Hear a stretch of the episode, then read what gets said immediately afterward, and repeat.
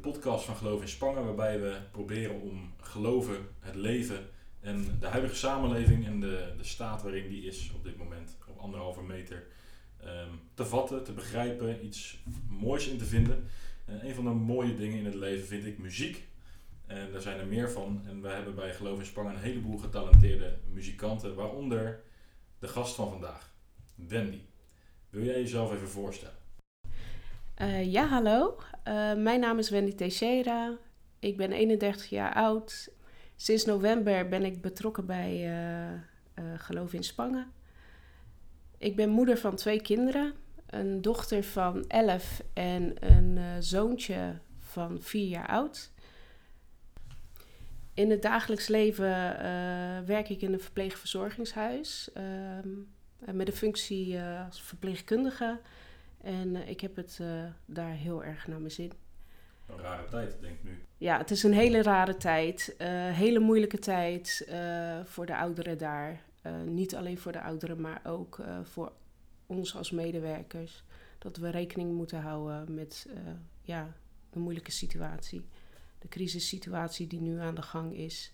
Alleen we proberen ons best te doen om ja, elkaar toch bij te staan en elkaar te ondersteunen waarbij nodig is. Waar putten de mensen hoop uit die jij verzorgt slash verpleegt? Nou, uh, op dit moment merk ik dat uh, eenzaamheid een uh, grote rol speelt. ik heb ook veel dingen gezien wat mij best wel emotioneel heeft gemaakt. En dat het dat bijvoorbeeld een cliënt een, een uh, familielid aan het uitzwaaien is uh, bij het raam. Uh, dat er familieleden zijn die geen bezoek ontvangen, omdat ze kwets, kwetsbare familieleden thuis hebben zitten. En um, dat kleinkinderen niet meer op bezoek kunnen komen.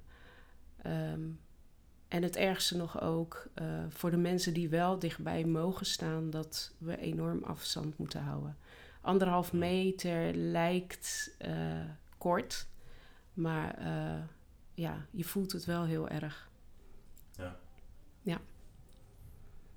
En als ik kijk naar mezelf in het dagelijks leven, dan ja, ja, dan durf ik wel te zeggen dat eenzaamheid uh, heel erg veel voorkomt. Ook bij mij en uh, mensen om me heen. Mm -hmm. um, Waar zie je dat dan in? Ja, dat je thuis komt en dat je afstand moet houden van de mensen om je heen.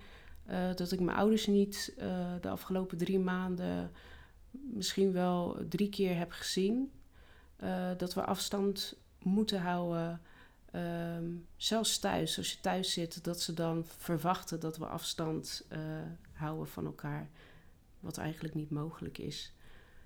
Um, en toch uh, doen we ons best om uh, die maatregelen toe te passen. Om ervoor te zorgen dat er geen, niet meer zieken zijn dan dat nodig is. Hm. Mooi, dankjewel. En, en naast dat je dus mensen praktisch verzorgt, uh, verzorg jij bij Geloof in Spangen ook de muziek. Ja. Voor een deel. Uh, ik kan me herinneren de eerste keer dat, dat um, ik jou volgens mij muziek hoorde maken was op een saxofoon. Ja. Klopt hè? Ja, dat klopt. En toen, toen hoorde ik dus via via dat je ook nog 37 andere instrumenten um, Wat is je favoriete instrument? Uh, toch wel de piano. En dat omdat ik uh, als klein meisje op tienjarige leeftijd altijd de orgel heb gespeeld in de kerk. Uh, waar ik toen vroeger met mijn ouders naartoe ging. En ja, ik genoot daar echt heel erg van. Alleen ja, ik kan het niet laten bij één instrument. Ik ben zo leergierig en alles wat ik zie wil ik spelen.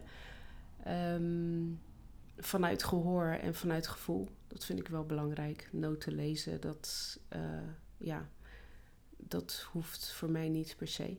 Hm. Um, en ik heb het meerdere malen geprobeerd, maar het lukt me gewoon niet okay. om dat in mijn hoofd te stampen. Maar het is wel, uh, uh, ja, muziek is alles voor mij. Ja, maar belangrijkste is zingen. Zingen, schrijven en, en mijn emoties op, op die manier uiten. Mooi.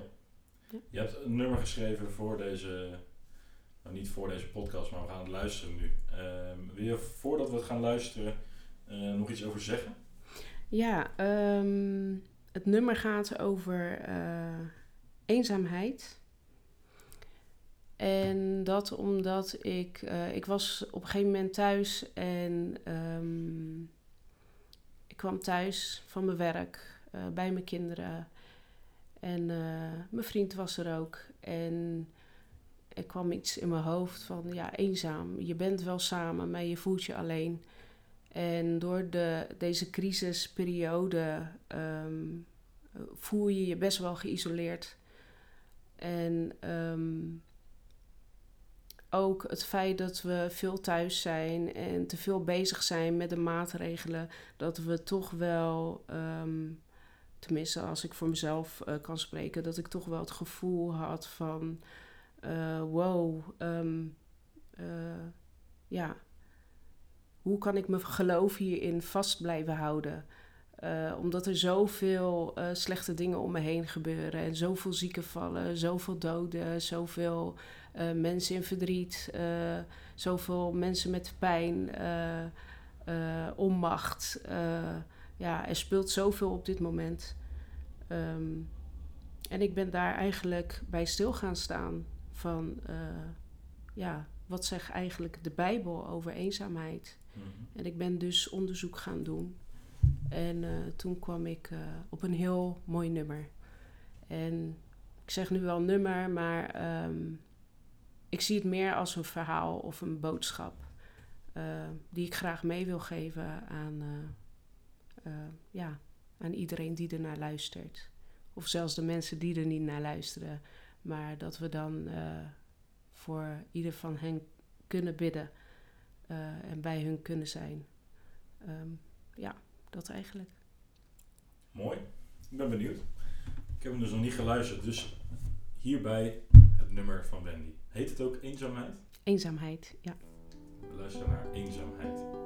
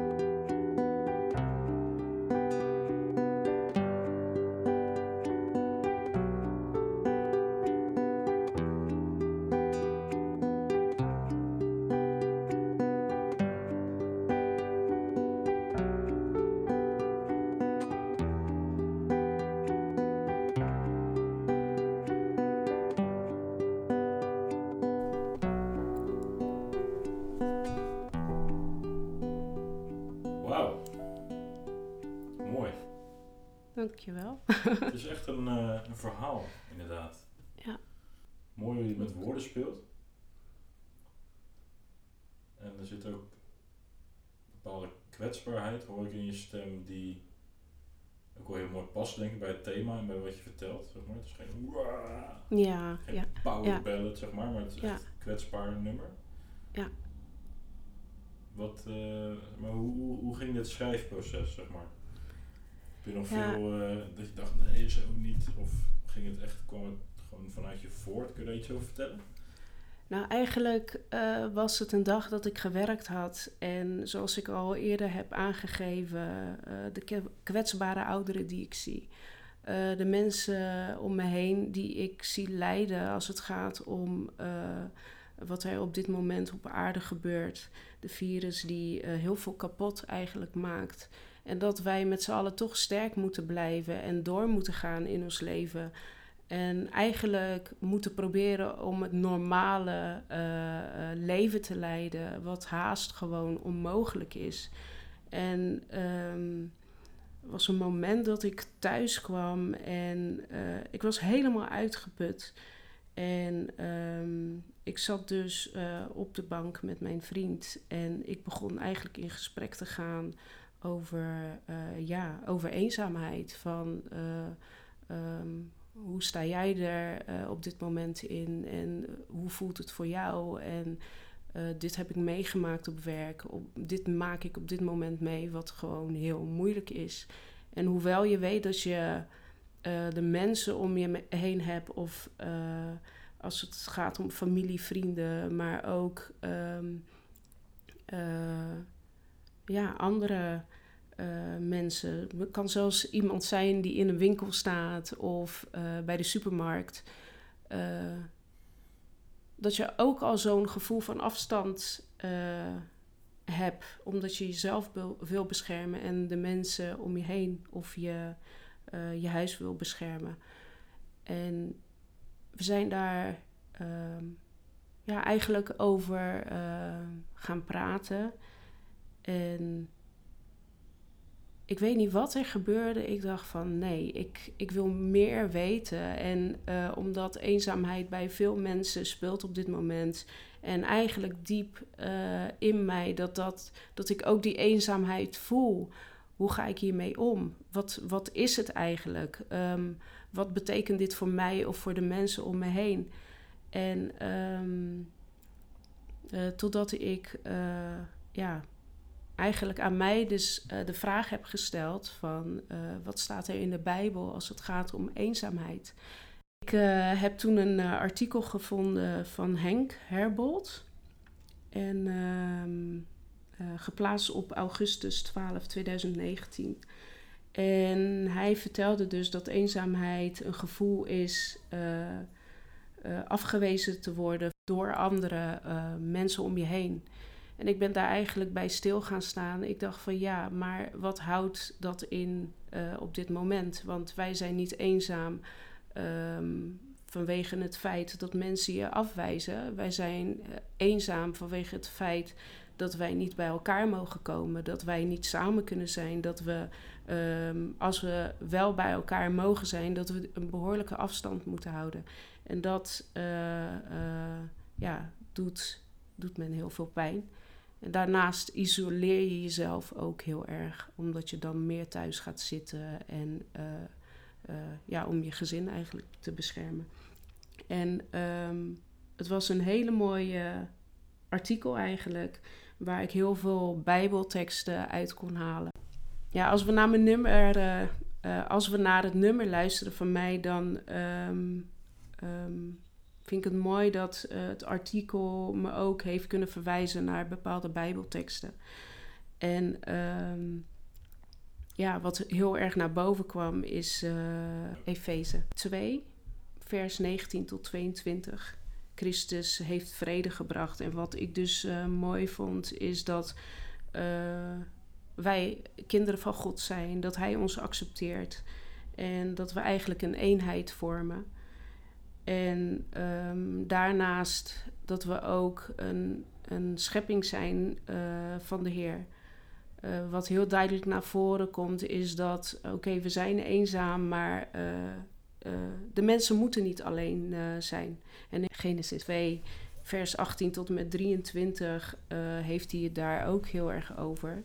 Als we kijken naar het verhaal van Adam, die dat God dus vond dat hij niet alleen moest zijn, dat mensen elkaar nodig hebben, dat hij Eva dus op de aarde heeft gebracht. Uh, dat vond ik heel mooi. Hm. Want als we kijken om me heen, ja, alleen wie, wie kan nou volledig alleen zijn? Er zijn, uh, nou, nu zeg ik alleen zijn. er is wel een verschil tussen eenzaamheid en het alleen zijn. Want sommige mensen vinden het fijn om alleen te zijn. Maar het is meer de eenzaamheid die heerst op dit moment. Um, bij ouderen, maar ook bij jongeren. Als ik nu ook thuis zie. Ehm, dat mijn kinderen ook best wel stuiteren. En uh, dat ze gewoon naar school willen gaan. Ze missen hun uh, sociale contacten. En eigenlijk wij als ouders zijn missen dat ook gewoon erg. Die, uh, de contacten. het fysiek aanwezig zijn. En ja, en als laatst... Um, als laatst wil ik uh, Matthäus 7, vers 7 tot 8 naar voren brengen. Dat, dat er dan wordt gezegd: als je iets vraagt, zul je het krijgen. Um, ja, bid tot Hem. Voel je je eenzaam? Um, bid tot de Heer. Vraag aan Hem of Hij je daarbij wil helpen. En niet alleen voor jou, maar ook voor de rest uh, ook de mensen om je heen. Dat we elkaar bij kunnen staan, dat we elkaar kunnen ondersteunen. En dat we elkaar eigenlijk allemaal te been kunnen houden. Omdat het geen makkelijke periode is voor ons allen. En ja, dat is het eigenlijk. Dus ik vond, ik, ik vond het bijzonder. Ik werd gewoon eigenlijk gestuurd om onderzoek te doen. Het kwam gewoon vanzelf. En ik dacht van, ik wil hier gewoon meer over weten, maar hoe kom je nou aan antwoorden? En uh, ja, nu doe ik dat door middel van de Bijbel. Om de Bijbel te pakken en op zoek te gaan van, uh, ja, wat vertelt hij eigenlijk over een bepaald onderwerp? Ja. En het heeft me echt heel ver gebracht. Niet alleen mij, maar um, ik voel ook gewoon dat uh, ja, de dankbaarheid dat ik dit uh, uh, zeg maar uit mag brengen om een boodschap te geven die van boven komt. Ja. Mooi. Ja. Gaaf. Ja, Dankjewel. zeker. Um, wat even te denken hoor. Ik, uh, trouwens voor degene die luistert, ik zit uh, dus aan de andere kant van de microfoon. En ik zit steeds te knikken, maar dat horen jullie natuurlijk niet. Maar ik, uh, ik vind het heel mooi, maar anders zit ik steeds doorheen te hummen. Um, ik ben natuurlijk benieuwd wat jij als luisteraar vindt van dit nummer en van nou, het, eigenlijk wat erachter en eronder ligt uh, aan onderzoek in de, in de Bijbel. Ik vind het heel mooi dat je een soort die, die beweging maakt. Van je merkt iets bij jezelf. een gevoel van, van eenzaamheid, misschien wel een nieuw soort eenzaamheid in deze tijd. Want nou ja, je, je kunt inderdaad mensen wel spreken via je beeldscherm of, of door het raam, zeg maar. Ja. Maar toch, toch mist er iets, zeg maar. En dat je dan dat gaat bespreken met je vriend en dan een nummer gaat schrijven. Ja. En dan denk je van, hé, hey, maar wat, wat staat er eigenlijk in de Bijbel over dit thema? Ja. Mooi. En uh, ja, eigenlijk ben ik ook benieuwd naar uh, hoe andere mensen uh, hierin staan, wat ze, wat ze denken. En wat eenzaamheid ook met hen doet op dit moment. En laten we vooral ook kijken naar hoe we elkaar hierbij kunnen ondersteunen. En dan is de eerste stap door niet hoop op te geven en, en elkaar te omarmen. ja, met de warmte van de Heer. Mooi. Dat vind ik een mooie uitspraak om mee af te sluiten. Ja. Dankjewel. Jij ook, bedankt. Er zitten meer nummers nog in de pijplijn, begrijp ik? Ja, ja. Ik, Dus eh, de afgelopen tijd, eh, ja, zeker, zeker. Super. Ja, gaan we Bij zeker deze. doen.